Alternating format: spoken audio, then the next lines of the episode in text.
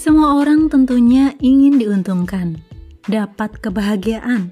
Terkadang yang membuat bahagia itu datangnya dari orang lain, entah proyek, pekerjaan, kesempatan, dan sebagainya. Untuk memperolehnya, orang akan berusaha dari usaha biasa sampai luar biasa dengan berbagai cara. Dari pendekatan, berusaha menjadi teman, sampai sogokan. Bisnis adalah ketika apa yang diinginkan sudah didapatkan, kaki pun ringan meninggalkan.